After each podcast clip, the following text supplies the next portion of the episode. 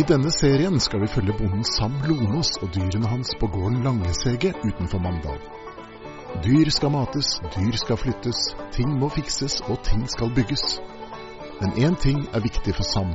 Dyrene skal ha det godt, og gården skal drives fornuftig. Men helt som alle andre gårder er den ikke. En av grisungene her har vært litt uh, sjuk. Um, Merka at uh, hun var slapp i formen og begynte å bli tynn. Um, hun viser interesse for mat, men hun har ikke hatt den store appetitten. Det er bare sånn småspising, men hun vil gjerne spise. Så jeg hadde dyrlegen her på besøk på, på fredag. Men hun virker, hun er på beina, og hun er interessert. Hun er med de andre. Hun er ikke helt i form ennå. Det, det, er hun som, har, som, står der bak oss. Og Hun står litt i bakgrunnen, og ørene er litt lagt på henne. Men det ser ut som hun er på bedringens vei, så så lenge ikke det blir verre situasjonen, så kan det jo bare bli bedre. Har, det var her langs dette gjerdet her vi planta humle. Vi hadde jo med noe humle fra Danmark, og min mor hadde med noe humle fra den andre gården vår ute i Lyngdal. Og vi planta ut her. Og her, her vokser det opp noe.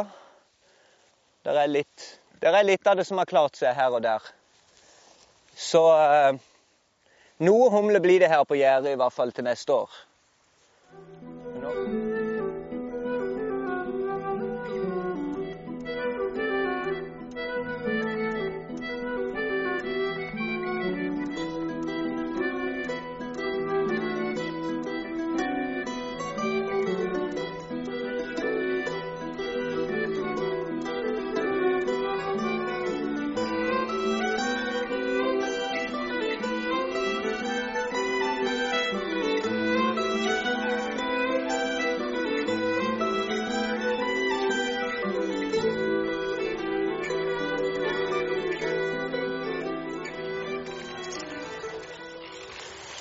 Sånn.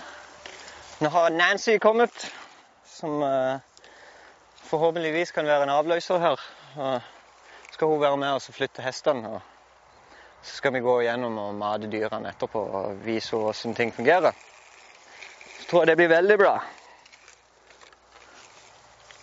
Sånn, så skal vi bare ha det på det, på det øverste. På denne? Ja.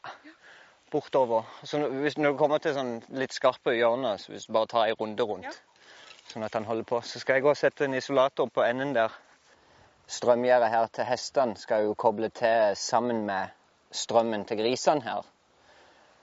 Og da bruker jeg bare en hageslange og en stråltråd for å føre, føre strøm gjennom gjerdet. Så isolerer, isolerer jo hageslangen mot gjerdet, da.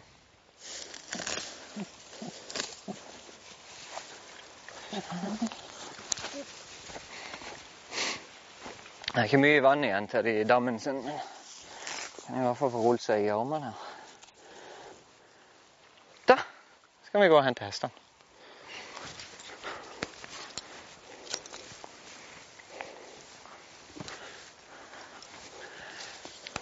Da, Hun heter Mitzi, Jaha. og hun heter Fie. Ja. De er jo veldig, ja. De er veldig snille begge to, men, men uh, hun, hun fikk vi jo i forrige uke, så jeg er ikke så kjent med henne. Ja, ok. Så, uh, og så fortalte Lene at hun beit henne. Så, så da, da uh, Men hun har ikke, hun har ikke bitt meg ennå. Så det, vi skal ikke så langt, men det er jo sikkert bare greit første gangen.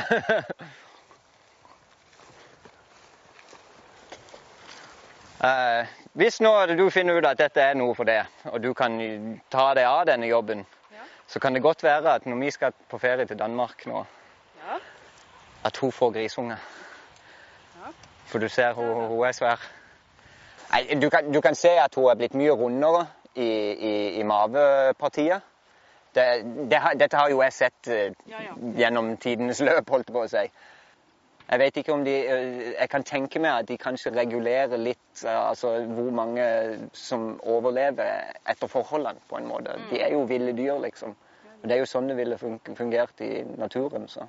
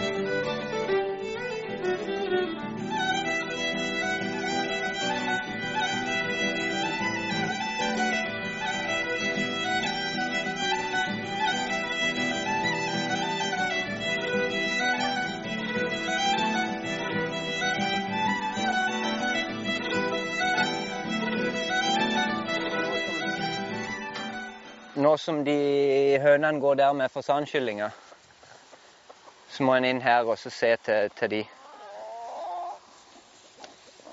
Én, to, tre, fire. Fire kyllinger ble det der. Det var ikke mange å skryte av, men Fem! Det kan være hun har flere inn under vingene òg, faktisk. Noen ganger så går hun og bærer rundt på dem.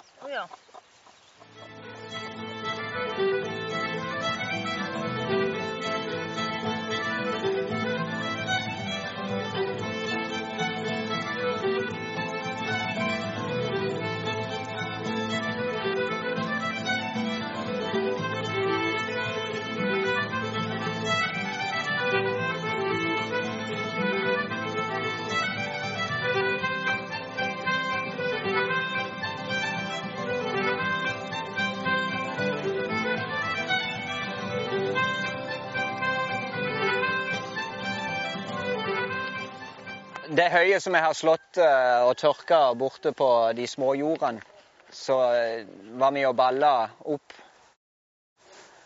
Det ble seks, seks baller med høy på det som jeg har hatt der borte. Og så var det dette som lå igjen når maskinen var fullt, og det var ikke nok til en hel høyball, så eh, vi fant ut at dette skulle jeg bare ta hjem løst, og så ha som løshøy.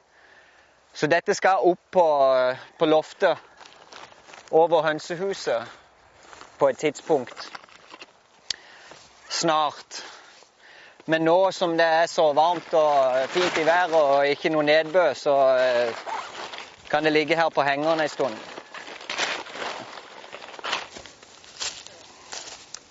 Hei, Kari. Ja, kom.